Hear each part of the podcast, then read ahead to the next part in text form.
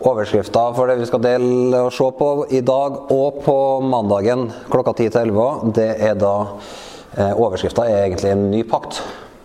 Så i dag så er tanken å se Skal vi se på hva Når Jesus innstifter en ny pakt, hva, eh, hva ligger i det her med pakt? Og så på mandagen skal vi se mer på løftene og de tingene som Jesus legger inn i den nye pakta, som, eh, som eh, han tar for seg i sammenheng med innstiftelsen av eh, måltidet på skjærtorsdagen. Så refererer jo, I det måltidet så refererer jo Johannes eh, veldig mye mer enn det de andre evangelistene gjør.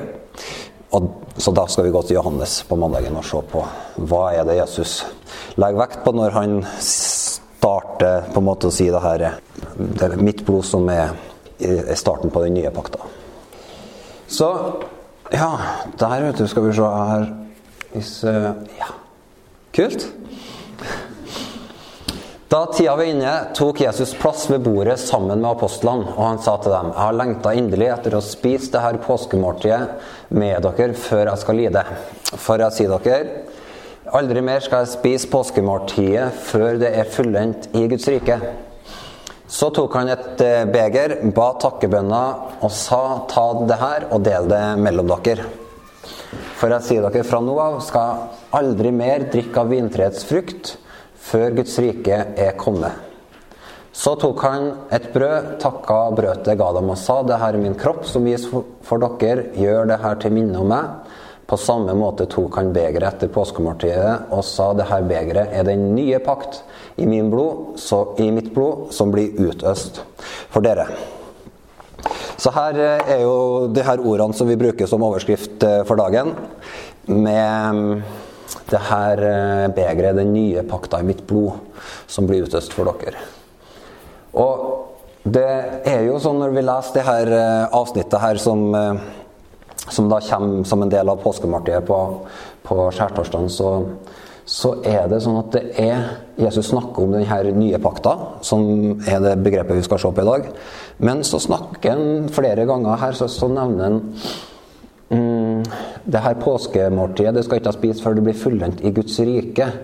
Eh, og så sier han nå skal jeg ikke drikke mer av vintreets frukt før Guds rike har kommet. Så han sitter her og på en måte er i etableringa av den nye pakta, men samtidig så snakker han da hele tida om Guds rike.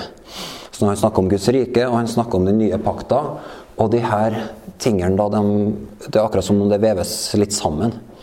Um, for, og når du leser Hvis man liksom skal ha en oppsummering på budskapet til Jesus, og til døperen Johannes, og til uh, Jesu apostler, så er jo det uh, budskapet om Jesu navn og evangeliet om Guds rike, er jo det oppsummeringa som Lukas gjør på slutten av eh, apostelgjerningene. Over hele, det var jo over hele forkynnelsen til Paulus. Så oppsummerte han det med å si at Paulus var der og forkynte Guds rike og Jesu Kristi navn. Eh, så det her med forkynnelsen av Guds rike, det var på en måte det evangeliet som Jesus kom med, og som han ba eh, disiplene sine om å gå med. Så når vi snakker om en ny pakt, så er på en måte, henger det også veldig også sammen med at Guds rike er kommet nært på en ny måte. Eh, og Guds rike, det handler jo om Det forstår vi jo enda mer da når på påskedag, når Jesus står opp fra de døde, beseirer døden og på en måte beviser for alle at han ikke bare var tømmermann, men eh, menneske fra Nasaret, men han ble godtgjort gjennom oppstandelsen fra de døde, så ble han godtgjort eller bevist at han var Guds sønn. Og på en måte den kongen over Ikke bare kongene på jorda, men over, også over den største fienden, da, som er døden. Så når vi snakker om en ny pakt, så, er, så, så ligger det òg hele veien og det her, sammen med det så ligger det det her begrepet om at Guds rike har kommet nært.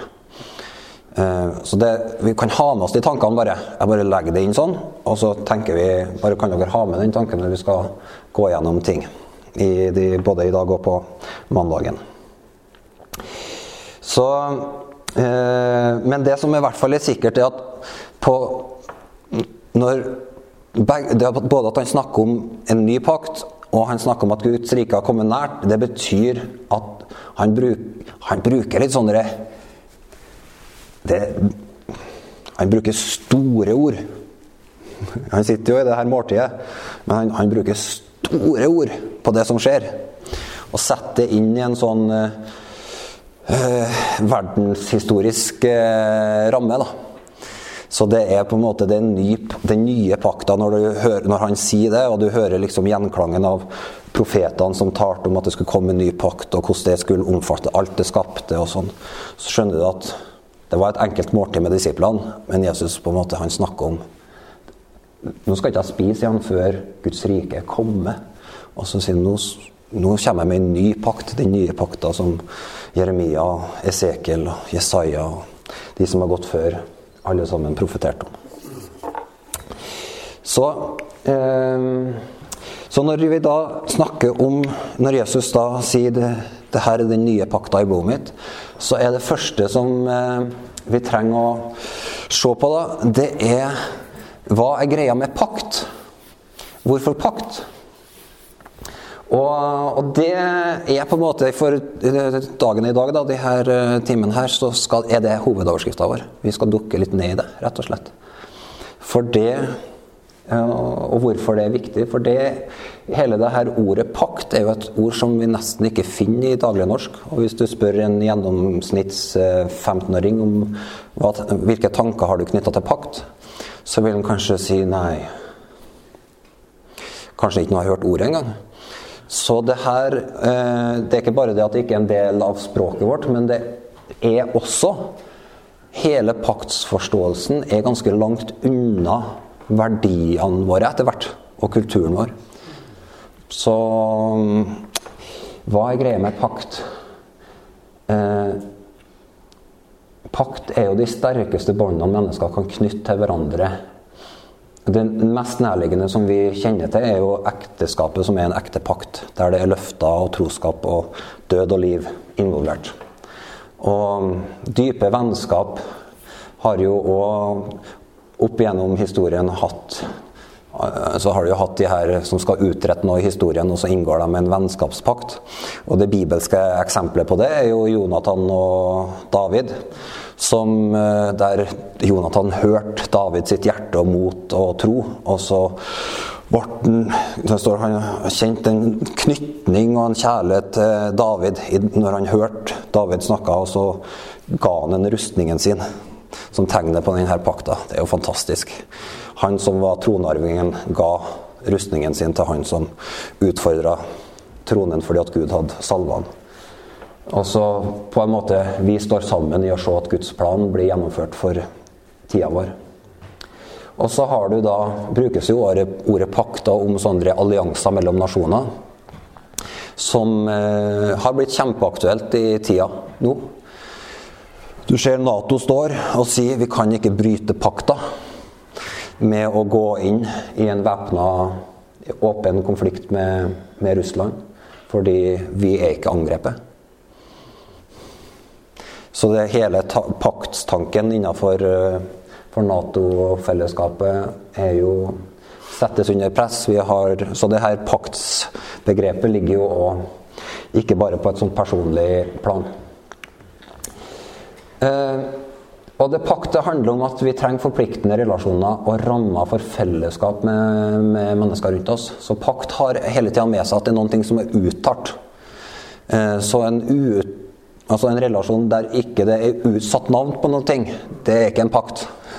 Det må sies noe i, i rommet. Um, og uh, det er pakta som skaper trygghet og tillit og tilhørighet. Den er på en måte avgjørende, egentlig, uh, for at både familieliv og samfunnsliv fungerer. Det ligger på en måte implisitt i, i, i mange av relasjonene våre, selv om vi ikke bruker ordet pakt. Så eh, Bibelen forteller òg om pakter mellom mennesker. Eh, fordi at Hovedoverskrifta vår her handler jo om de paktene som er mellom Gud og folket sitt, eller Gud og mennesker. Men Bibelen forteller òg om pakter mellom mennesker. Og vi har nevnt David og Jonathan. Den, hvis du liksom trenger å ha en tårevåt opplevelse i påska, så kan du f.eks. lese den historien i kapittel 23. Det er, det er emotional stuff. Og så har vi da, eh, på et litt eh, mindre emosjonelt nivå, så har vi pakta mellom kong Salomo og kong Hiram i første kongebok fem. Som eh, Det står i, i første kongebok fem at det var fred mellom Hiram og Salomo, og de slutta pakt med hverandre. Så det er klart at det var både Den pakta var nok både en stillingskrig Ok, De visste Jeg vet at du har makt, og du vet at jeg har makt. Så vi inngår en pakt her om at vi ikke Vi toucher ikke borti hverandres område. Det var nok med i den pakta, men så var det òg et, et, utrolig fellesskap. og Når du leser om hvordan de her to kongene arbeida sammen, bl.a. rundt bygginga av tempelet og varene til det, og, og far til kong Hiram var jo da Eh, og, eller David var jo involvert med Så det her gikk jo et par generasjoner hvor du ser at de eh, står i et slags eh, avklart, uttalt fellesskap, de her to kongene. Jakob og Laban. Jeg tenkte kanskje vi skulle ta en kikk på den historien hvis dere vil slå opp og har med dere enten mobilbibler eller tekstbibler. Så kan vi gå til første Mosebok 31. Og der er det Det er jo da Jakob, han reiste for å søke tilflukt hos onkel Laban. Og eh, han eh, fikk gifta seg med to av døtrene hans. Og Gud holdt sin hånd over Jakob, så han kom tilbake da med enorme mengder med småfe og geiter og sauer, og særlig. da. Han fikk full klaff når han da skulle få lønn gjennom arbeidet sitt hos eh, Laban. Og han vokste seg stor, på en måte, Jakob, hos, hjemme hos Laban. Hos onkel Laban så ble Jakob en rik mann. Og når han da reiste derfra, så følte Laban at Jakob tok med seg all velsignelsen og dro. Og han var skikkelig bøs. Fordi at uh, alt, alt, Jakob hadde han, Jakob kom jo som en fattig mann, eller en mann med bare det han sto og gikk i, til Laban. Han hadde jo rømt fra broren sin. Og så, når han kom tilbake derfra, så hadde han med seg massevis av velsignelse. Og Laban var ikke en eh, god og vennlig mann. Sånn kan vi vel si det. På den måten, Sånn var jo både Jakob og Laban samme ulla. Eh, så de var like ille på en måte begge to. Det er jo sånn ofte Gud gjør det når han oppdrar oss, at vi blir satt sammen med noen som har noen av de samme utfordringene som oss sjøl, og så møter vi oss sjøl. Det er litt sånn, men eh, da, så det er bakgrunnen for denne historien. Så kommer vi inn i, i vers 43. Eh, Laban svarte Jakob, døtrene mine er Nei, døtrene er mine døtre, barna er mine barn, og budskapen er min budskap. Alt det du ser er mitt. Hva kan jeg i dag gjøre for disse døtrene mine eller barna de har født? La oss nå slutte en pakt, du og jeg. Den skal være vitne mellom meg og deg. Da tok Jakob en stein og reiste den som en støtte, og han sa til slektningene sine Sank sammen eh, stein, så tok de steiner og laget en røys, og de holdt måltid der ved røysen. Laban kalte den Jegar Shahut Sahaduta, og Jakob kalte den Gal Ed. Eh, jeg tror ikke det er norsk Gal Ed. Jeg tror det er et eh, hebraisk eh, navn også. Laban sa denne røysen skal i dag være vitne mellom meg og deg. Derfor kalte de den Galed og Mispa, for han sa Herren skal holde øye med meg og deg når vi ikke lenger ser hverandre. Hvis du ydmyker døtrene mine eller tar deg andre koner ved siden av dem, da skal du vite at Gud er vitne mellom meg og deg, om det ikke er et menneske til stede. Så sa Laban til Jakob, se denne steinrøysen og støtten som jeg har reist mellom meg og deg. Denne røysen skal være vitne, og støtten skal være vitne. Jeg skal ikke passere denne røysen på vei mot deg, og du skal ikke passere røysen eller støtten på vei mot meg for å gjøre noe ondt.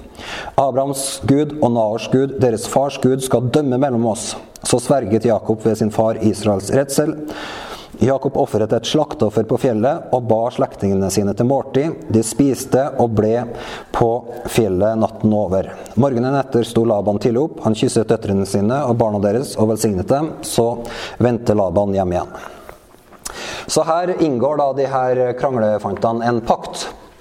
Og når vi ser eh, hvordan det her foregår, så finner vi at det foregår på en måte som vi kjenner igjen eh, flere steder i Skrifta uh, de her ulike elementene som inngår da når pakta inngås. Så pakta hadde en del uttalte vilkår. Uh, det her er grunnlaget. Det her er det vi blir enige om. Så det setter de jo navn på. Du skal ikke passere denne røysa. Du skal ikke gjøre noe vondt mot meg. Uh, og den pakta ble inngått for Guds ansikt. Som de sa, Gud skal være vårt vitne. Når du ikke ser meg, og jeg ikke ser deg, så er Gud vårt vitne til denne pakta. Og så ga de hverandre løfter, som er en viktig side da både av eh, pakta mellom mennesker, ser vi her, men òg når Gud kommer med paktene sine, så finner vi alltid at de kommer hele tida sammen med løfter. Og eh, de holdt måltid sammen. Så måltidet var en viktig del av paktsinngåelsen. Gjennom, helt fra børjan av i, i, Skriftene så finner du at måltidet er på en måte det, kanskje det sterkeste paktsuttrykket. Og hvor er det oftest mennesker, hvem er det oftest mennesker spiser måltid sammen med? Familien. Så paktsliv er familieliv. Og, så, og da kommer vi også inn på det siste punktet, at pakta ble innstifta med offer. Sånn at det er et element av blod i det. Og blodet eh, handler både om at eh, Hva skal jeg si Blod er tjukkere enn vann. Så det er livslinja, det er familieliv, det er slektsforhold. Det er den ene sida av det. Som bærer med seg at eh, vi Blodet taler om at vi er knytta sammen på et dypere nivå. Og så har også da, Som er på en måte hovedpoenget, tror jeg, i denne Jakob og Laban-pakta, det er at det òg eh, Når du inngår denne pakta, så er det på en måte på de, død og liv. Innenfor pakta så er det liv, utenfor pakta er det død. Eh, når man oppfyller paktsvilkårene, så er det liv og fred. Mens hvis man bryter paktsvilkårene, så er det død og forbannelse og krig. Så pakta er ei ramme som skaper liv, men konsekvensene av paktsbrudd er død. Så pakt var hele tida liv og død, og du finner jo det her når Abraham Og den skulle vi gjerne Kanskje vi toucher litt mer innom den i morgen, men når Abraham, eller Gud, inngår pakta med Abraham, så får jo Abraham beskjed om å ta denne kalven og dele den i to stykker. Og så eh, og så kommer da Gud denne, i denne ildovnen og beveger seg fram og tilbake mellom eh, de her kjøttstykkene. Og da er jo tanken ikke sant, at vanligvis når du inngår pakta, så la de da de her dyrestykkene på hver sitt side, og så gikk de imellom dyrestykkene. Fram og tilbake. Og med det så ga de til uttrykk at på samme måte som det her dyret er tatt livet av, så er denne pakta på død og liv. Og de på en måte demonstrerte og gikk inn i ei død og livspakt, på en måte. Er, her snakker vi om, om eh, noe som går dypere enn bare en sånn løs, overfladisk eh, eh håndtrykk. Da. Så det at, de, det at eh, ofringene var en del av det, det har flere sider ved seg. Det har det her død og liv-aspektet ved seg. Det har det med med at du knytter bånd som går dypere enn vennskap. Det har liksom familie og slektskap over seg. Eh, og så handler det jo selvfølgelig da òg om et offer for synder, som eh, er det tredje sida ved offeret, på en måte, som eh, kommer opp ofte når vi leser om paktene i Bibelen. Så nå har vi sett på noen sånne mellommenneskelige pakter. Men selve paktstanken, den kommer fra Gud. Og Da er det en del sånne bibelteologer sånn som vil si at eh, nei, men paktskulturen var både en del av den jødiske kulturen, men òg de omkringliggende nasjonene sin kultur. Sånn at paktstanken på en måte ikke var en genuint eh, eh, hebraisk kristen tanke. da. Men når vi leser Guds ord, så finner vi ut at eh, det er egentlig sånn at alt som kjennetegner pakt, det kjennetegner Gud. Og det kjennetegner Gud fra evighet av. Så Gud sjøl var prega av, eller er prega av pakt. Og alt som er skapt og kommer fra Gud, det er òg prega av pakt. For den treenige Gud, han er kjærlighet, i Bibelen. Og han viser seg i et trofast og forpliktende fellesskap mellom Faderen og Sønnen og Den hellige ånd. Så den kjærligheten, den forplikta, trofaste kjærligheten, den finner vi hos Gud.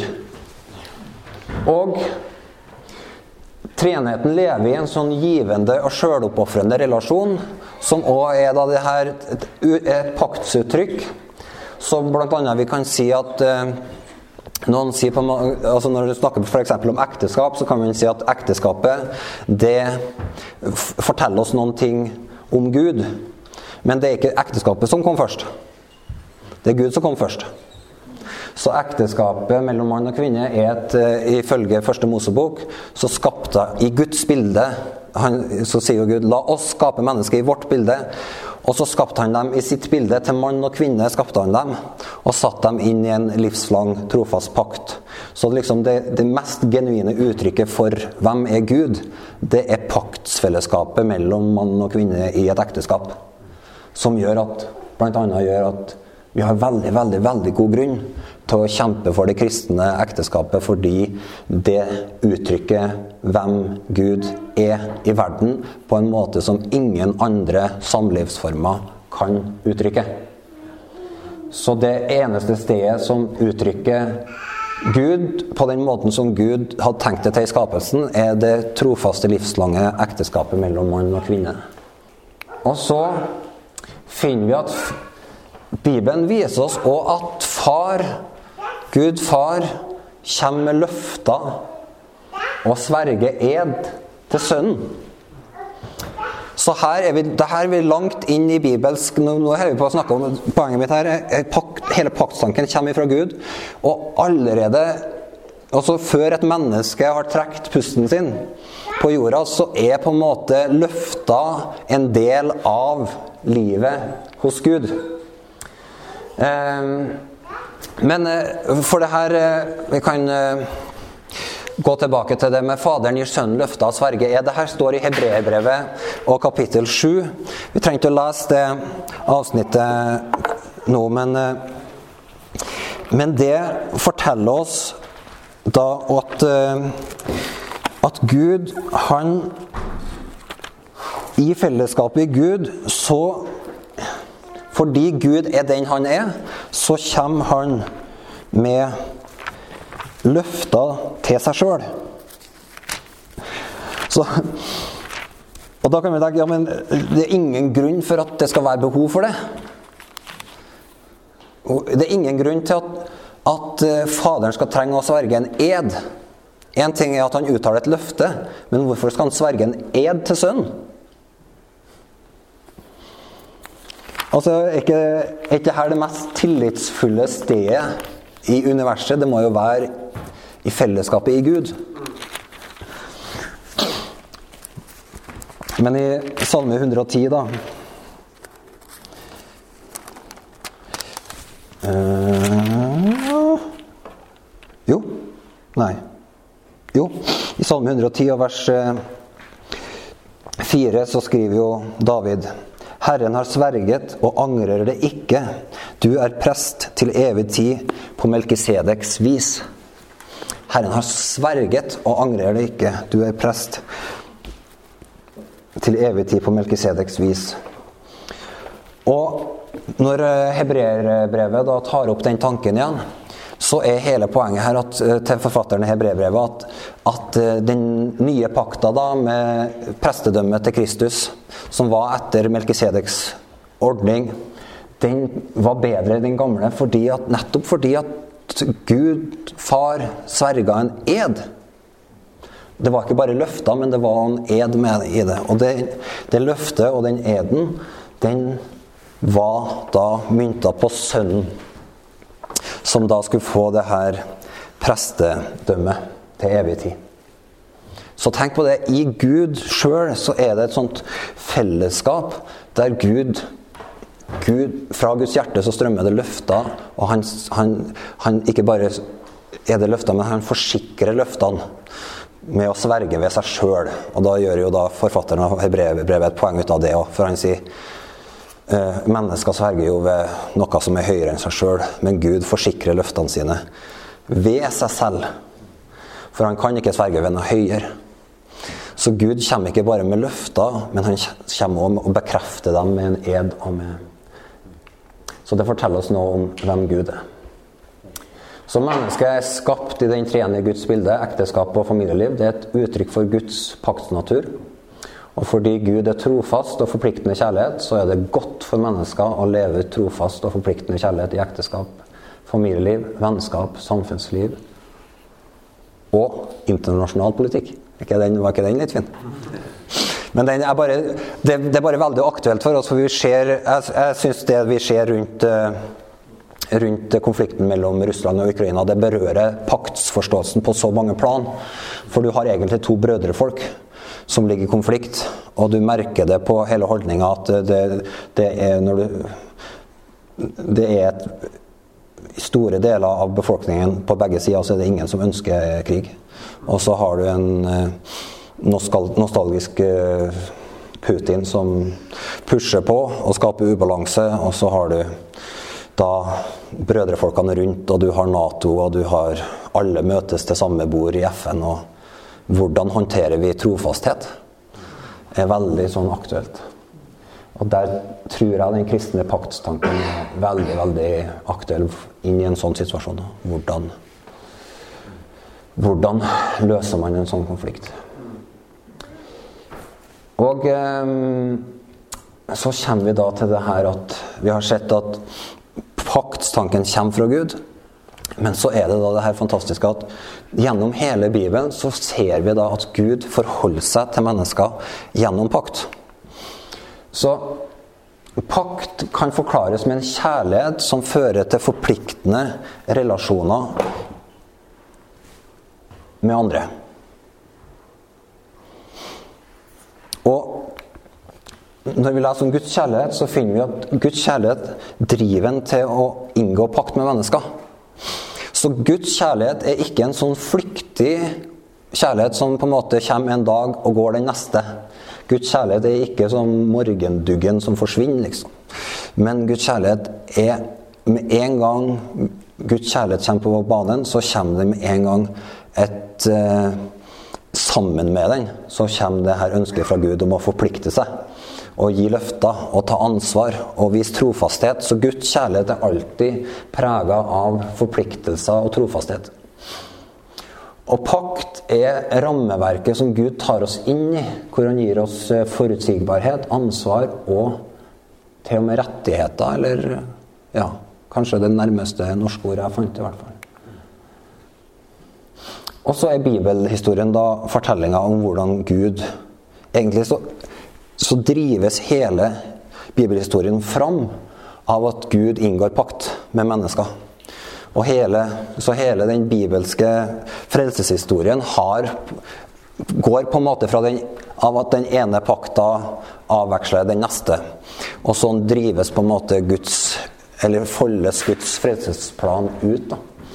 Eh, og nå har jeg satt opp eh, Adam her da, i paktsrekka. Og Av og til så starter man bare med Noah og sier at Noah var den første som vi finner i Bibelen som da inngikk eh, pakt med Gud. Men, men når du ser på Når vi har sett på de her elementene om hva som inngår i pakt eh, Løfter, bud, eh, offer, osv., så, så finner vi at i fortellinga om Adam også, så finner du da at uh, han, han sto i et paktsforhold til Gud. Selv om, og, og Hosea han, han, sier det faktisk uttalt. Hosea sier at dere brøt pakta som, som Adam, sier profeten Hosea. Så selv om ikke dette paktsbegrepet er brukt i første Mosebok, så er tanken om at det var en pakt mellom Gud og Adam, den fins i Skriftene. Og den forteller oss at på en måte helt fra skapelsen av så var Gud sin ryggmargsrefleks det var å inngå pakt. Og gjennom da de her paktene så er det jo egentlig etter, etter fallet så er jo alle de her paktene som kommer etter det, er jo på en måte kan man si, en sånn gjenreisningspakta. Eller det er på en måte frelseshistorisk. Bringer, paktene bringer frelseshistorien fram mot den nye pakta. Så vi finner da Guds løfter og Guds plan og, og forståelsen av forsoninga og alt sånt. Det finner vi i paktene uttrykt og uttalt i paktene med Noah og Abraham. Og når vi ser Abraham, så sier vi jo Abraham, Isak og Jakob. Og Moses og levittene de fikk jo på en måte en egen prestepakt. Eh, etter å ha vært ekstra nidkjær for Herren, så gikk han en egen pakt med dem. Og så har du òg Davidspakta, som òg kommer tilbake i flere generasjoner til kongene etter David, som blir invitert inn i de samme paktsløftene. Så eh, er det da et forskjell imellom når, når mennesker inngår pakt med hverandre, så er det på en måte to likemenn. Og så er det kanskje litt forhandling om premissene. Jeg ser for meg det når kong Hiram og kong Salomo skulle bli enige om premissene for pakta de inngikk.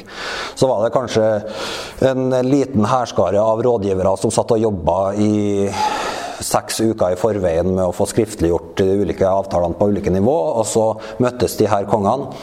Stor pomp og prakt fest, og så, så alle visste i de her imperiene at nå har kong Hiram og kong Salomo inngått pakt. Men når Gud da inngår pakt med mennesker, så er det ikke en pakt mellom likemenn. Da er det alltid, uten unntak, så er det pakt uten forhandlingsrom. Så Gud er suveren, og han kommer med vilkårene for pakta, han kommer med løftene. Og så er det da take it or leave it. Og i noen tilfeller så finner man nesten ikke at folk har valg. Så i pakta med Abraham så finner du bl.a. ikke Det er ikke noe spørsmål, det er ikke en invitasjon, det er mer enn Gud gjør det. Eh, ja, det kan vi se mer på. Men, eh, men, Gud legger premissene, og vi kan bare velge å ta imot premissene som Gud legger. Så pakta med Gud skiller seg fra alle sånne mellommenneskelige pakter på den måten at vi, vi tar imot vilkårene, vi tar imot løftene, og det er Gud som legger premissene for pakta. Og det at Gud arbeider gjennom pakt, det er da veldig, veldig gode nyheter. Fordi det er sånn at hvis vi tenker oss at Gud er en allmektig og suveren Gud, og samtidig er humørsyk og med svingende dagsform, så er det veldig krevende å forholde seg til, til Gud. Og for når du har hørt evangeliet og levd i på en måte velsignelsen av evangeliet en stund, så begynner du etter hvert å ta for gitt det her med at Gud er trofast, Gud er nådig, Gud er til å stole på. Men, men det er veldig mange mennesker som lever med et gudsbilde som ikke er sånn. Og, og har, ved et par anledninger så har jeg sittet litt, litt sånn dypere samtaler med, med, med tro, praktiserende muslimer, bl.a. Og da kommer du inn på bl.a. det her med evighets, forholdet til evigheten. Og sier ja, hvordan er det med forholdet til evigheten? Nei, så sier de Vet ikke. Ja, hva mener du med 'vet ikke'? Nei, det er Det kan gå bra, men jeg vet ikke. Gud bestemmer. Så Gud bestemmer, men du vet ingenting. Fordi at du vet ikke hva Gud bestemmer. Så du lever hele tida i den her Kanskje går det bra. Kanskje er jeg bra nok. Kanskje eh, Gud, eh, vil Gud eh, sette sitt godkjenningsstempel på det. Han er suveren. Og de kan til og med snakke om at Gud er nådig. Men de vet ikke.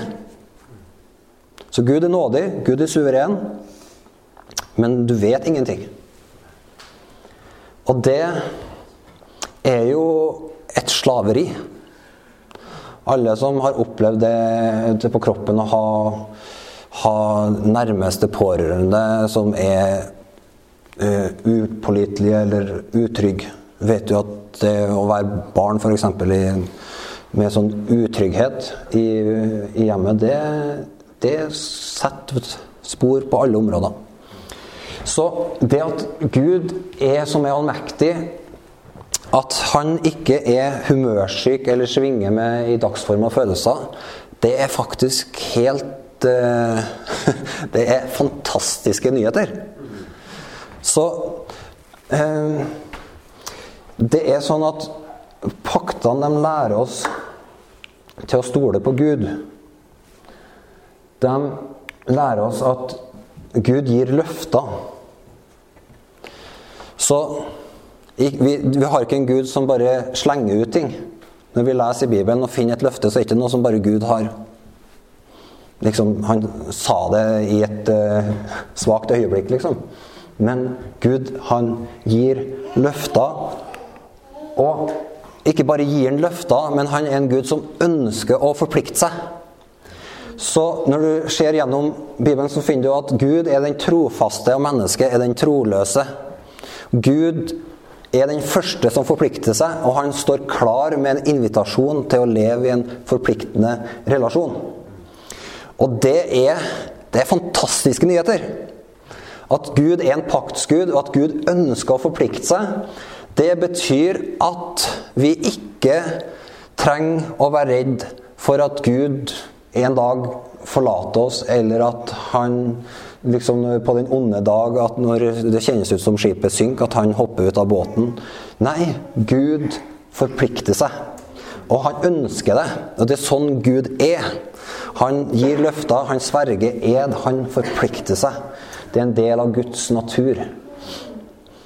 Og så lærer vi av paktene òg at Gud er en Gud som viser ubetinga kjærlighet. Så løftene kommer, Forpliktelsen kommer, men når vi ser gjennom de ulike paktene, så finner vi da en åpenbaring som vokser. Der vi lærer at gjennom pakt så lærer vi at Gud viser ubetinga kjærlighet. Og det er ikke et sånn nytest, det er ikke bare en sånn nytestamentlig eh, konsept. Guds nåde. Hvis du leser innledninga til når Moses får loven, så, så, så er det en lang tekst som bare handler om Guds barmhjertighet, Guds nåde. Denne pakta får dere pga. min nåde, pga. min barmhjertighet. Og det, Dere får ikke pakta fordi dere er et spesielt bra folk, eller fordi dere har fortjent det på noe vis.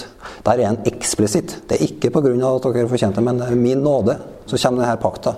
Og ofte så snakker vi liksom Kan man høre at folk snakker litt ned loven og sier at ja, men det var Loven var dårlig, på en måte. Den skapte bare skyld og, og forklart lovbrudd. Nei, det er ikke sånn. Loven er et uttrykk for Guds nåde. Loven er et uttrykk for Guds barmhjertighet. Sjøl om den viser hva synd er, så, er det, så fikk folket loven og pakta fordi, ikke fordi de hadde fortjent det, men pga. Guds omsorg, nåde, miskunn og barmhjertighet. Eh, så, så denne sida med Guds ubetinga kjærlighet, den er, er, lærer vi å kjenne gjennom paktene. Og bare for å ta med det Når du leser historien om starten på det her gudsfolket med Abraham, og så leser du historien om at Abraham han deler det her dyret i to. Og så går så faller en dyp søvn over ham. Så kommer Gud, og så går Gud fram og tilbake imellom det her offerdyret. Og på den måten så er egentlig aldri Abraham Altså, Gud ga løftene, og så går Gud fram, og så går han tilbake, og så ligger Abraham der og sover. Og så sier Gud med det at 'Jeg tar og gir deg løftene, men jeg tar òg konsekvensene dine'. Jeg går for meg, og så går jeg for deg. Så Gud gikk både på sine egne vegne, og han gikk på Abraham sine vegne. Og så tok han Abraham sine konsekvenser for paktsbruddet på seg sjøl. Det er nåde. Og det tar det langt inn i den nye pakt, hvor eh, vi opplever den samme nåden at Jesus kommer med budet, og han kommer med forsoninga. Gud, Paktene lærer oss at Gud er en Gud som eh, tar ansvar. Og ikke minst, eller kanskje mest, så forstår vi det at Paktene forteller oss at Gud er en Gud som inviterer oss inn i sin familie. Fordi invitasjonen til å komme inn i pakt med Gud er dypest sett da, en sånn adopsjon tilbake inn i Tilbake til far, inn i Guds familie. Som er, som er på en måte Du, du finner da utrolig sterkt uttrykt i, i den nye pakt. Og la meg bare ta med et vers på det som Som Terje Dale delte med meg her siste dagen på kontoret før påske. Så sa han at Jeg la merke til det sånn når jeg leste gjennom uh, oppstandelsesfortellinga på nytt her i Johannes 20. Så når Maria møter Jesus, så sier Jesus til henne Rør meg ikke, for her er ennå ikke steget opp til far. Dette er Johannes 20, vers 17.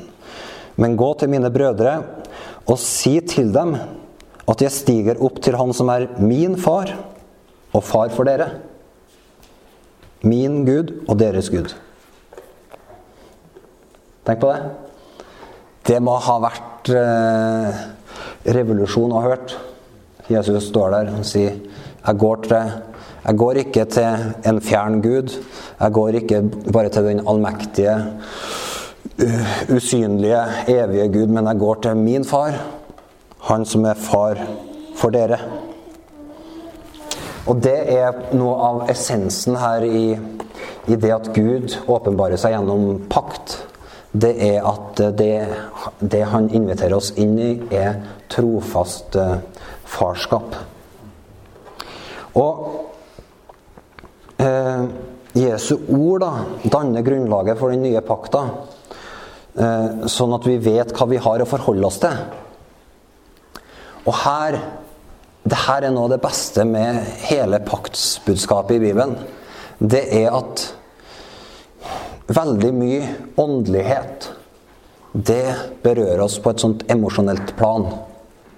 Så når du møter folk som er spirituelle og åndelige folk, så handler det veldig mye om hva de føler og opplever. Men Gud er litt mer robust, da. Eller han er veldig mye mer robust. Så han bringer inn en sånn ting som han sier at når vi snakker om mitt, mitt relasjon til folket mitt, så er det ikke på et sånt åndelig, spirituelt eh, greie. Men jeg kommer med en pakt. Som betyr at samme om du liksom står opp om morgenen og føler deg åndelig, eller eh, kristelig, eller hva enn du føler deg, så har det egentlig ingenting å bety. Og om følelsene springer hit og dit, så har det ingenting å si. Eh, og på en måte hvor eh, Hele den sida av liksom opplevelsen av hvor sterk er troa mi i dag, eller eh, de tingene der. Pakta den skjærer gjennom alt det der og sier bare nei. Eh, Gud sier jeg er en gud som har gitt deg noen løfter. Og jeg har gitt deg en, sverga en ed. Og jeg har reist opp min sønn og bevist det. Og det her beviset det er historisk begrunna. Så alle som forkynte evangeliet i den første generasjonen, de var opptatt av historiske detaljer. Så når du leser Lukasevangeliet eller de andre evangelistene, så er de pakka med historiske detaljer. Og det forteller oss at de ønsker for alt i verden at ikke det her evangeliet skal bli oversatt til et slags sånn abstrakt evangelium. Der liksom Jesus sto på hjertet, eller at uh, lyset vant over mørket, eller at våren vant over vinteren, eller at uh, Uh, kyllingen hakka seg gjennom egget. Nei, nei, nei, det er ingen sånne ting. Det var en mann i kjøtt og blod som levde og, og, og forkynte evangeliet om Guds rike, som demonstrerte Guds kraft, og som ble uh, henretta på et kors, og det rant ekte blod. Det var ikke noe gøy. Det var ingenting romantisk med fortellinga. Uh, Sjøl om vi gjerne vil at den skal være veldig romantisk, så var det blod og smerte og mørke og så det, fantes det sted en fantastisk oppstandelse. Og alt det her fant sted tidfesta ved hvem er det som styrte i landet, hvem var det som var øyenvitnene. Det var den personen så dem. De her 500 så dem på én gang. Vi spiste sammen med han. Og det var til og med folk til stede i rommet som tvila sånn på det de fysisk så foran seg, at Jesus måtte demonstrere at han ikke var et spøkelse. Så da måtte han ta spøkelsestesten og spise fisk. For spøkelser spiser ikke fisk. Så, og, så, så hele evangeliefortellinga tar på en måte du, du, kjenner igjen Gud. Da. Han tar oss ut av alt det her. Frelsen din, relasjonen til Gud, eh, forholdet til Han som far, familieopplevelsen vår av å kjenne Jesus. Ingenting av det er basert på hva du føler. Hvor sterk du føler troa di er, eller noen sånne ting, men Gud har sverga en ed, han har gitt løfter, han har etablert en pakt. Han ønsker å ta ansvar, han ønsker å forplikte seg. Han bryr seg ikke om hva du føler. Han vil bare høre ditt ja til denne pakta. Kom inn i den. Og når du har gitt den ditt ja, så har han bekrefta den, det ja-et, og ferdig med saken. Sånn er han som vi tjener. Så den her tanken med pakt, at Gud er en paktsgud, er veldig befriende. Fordi det tar oss ut av alle de her emosjonelle turene som på en måte livet kan utsette oss for. Og bare fortelle oss at nei, Gud han arbeider gjennom pakt. Og det er sånne faste avtaler. Og den nye pakta har gyldighet til evig tid.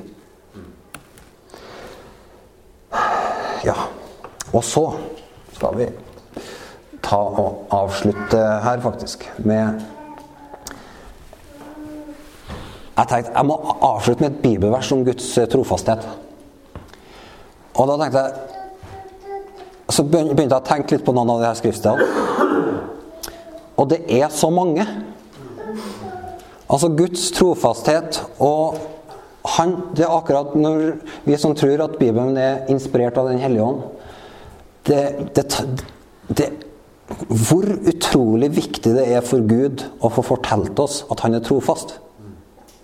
Og det er ikke bare Når Bibelen lærer oss at Guds trofasthet den finner vi ikke bare i løftene i ordet, men selve skaperverket vitner om hans trofasthet. Alt holdes oppe ved hans mektige ord.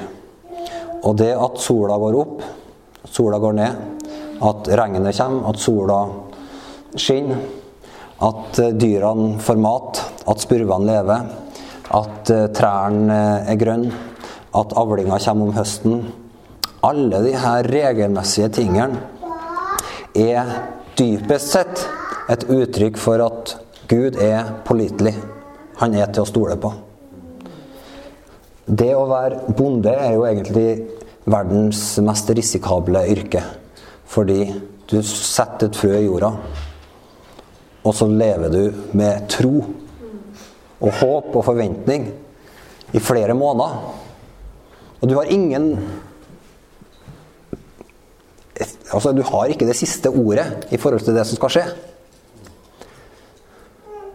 Men trofastheten til Gud viser seg gang etter gang etter gang. At når høsten kommer og avlinga står der, så er det nok. Og så er det nok og til å legge til side til de årene som det ikke er nok. Så Guds trofasthet den er, ligger veldig på Guds hjerte og kommuniserer til oss. Så i evighet, Herre, står ditt ord fast i himmelen. Din trofasthet varer fra slekt til slekt. Du har grunnfesta jorda, og den består. Og etter dine lover består dem til denne dag, for alle ting må tjene deg. Så i evighet I evighet, Herre, står ditt ord fast i himmelen. Det, det, at ordet fra Gud er et sånt evighetsord som er etablert i det himmelske Så ordet, det evige ordet fra Gud, det handler ikke om Det kan du ikke Det er ikke sånn at om ting går i stykker rundt oss, så oppløses eh, ordet fra Herren, men det står til evig tid fast i himmelen. Og trofastheten varer fra generasjon til generasjon, og fra slekt til slekt. Så Gud Gjennom hele Bibelen så viser han seg som generasjons, en gud for generasjonene. Han er Abraham, Isaks og Jakobs gud. Og denne, Abraham fikk høre om at Gud skulle være trofast mot de tusen slektsledd, og etterkommer han som skulle være som sanda på stranda. Så Guds trofasthet den finner vi òg igjen i generasjonene sin løp. At vi kan finne kjenne igjen Jeg kjenner min fars Gud. Og mine barn kjenner sin bestefars og sin fars Gud. Og det er en del av vitnesbyrdet om Guds trofasthet. Det er fantastisk. Og i, for to somre siden så var jeg i Nordfjord og rydda slektsgård. Og fant vitnesbyrdet om Guds trofasthet tilbake mange generasjoner.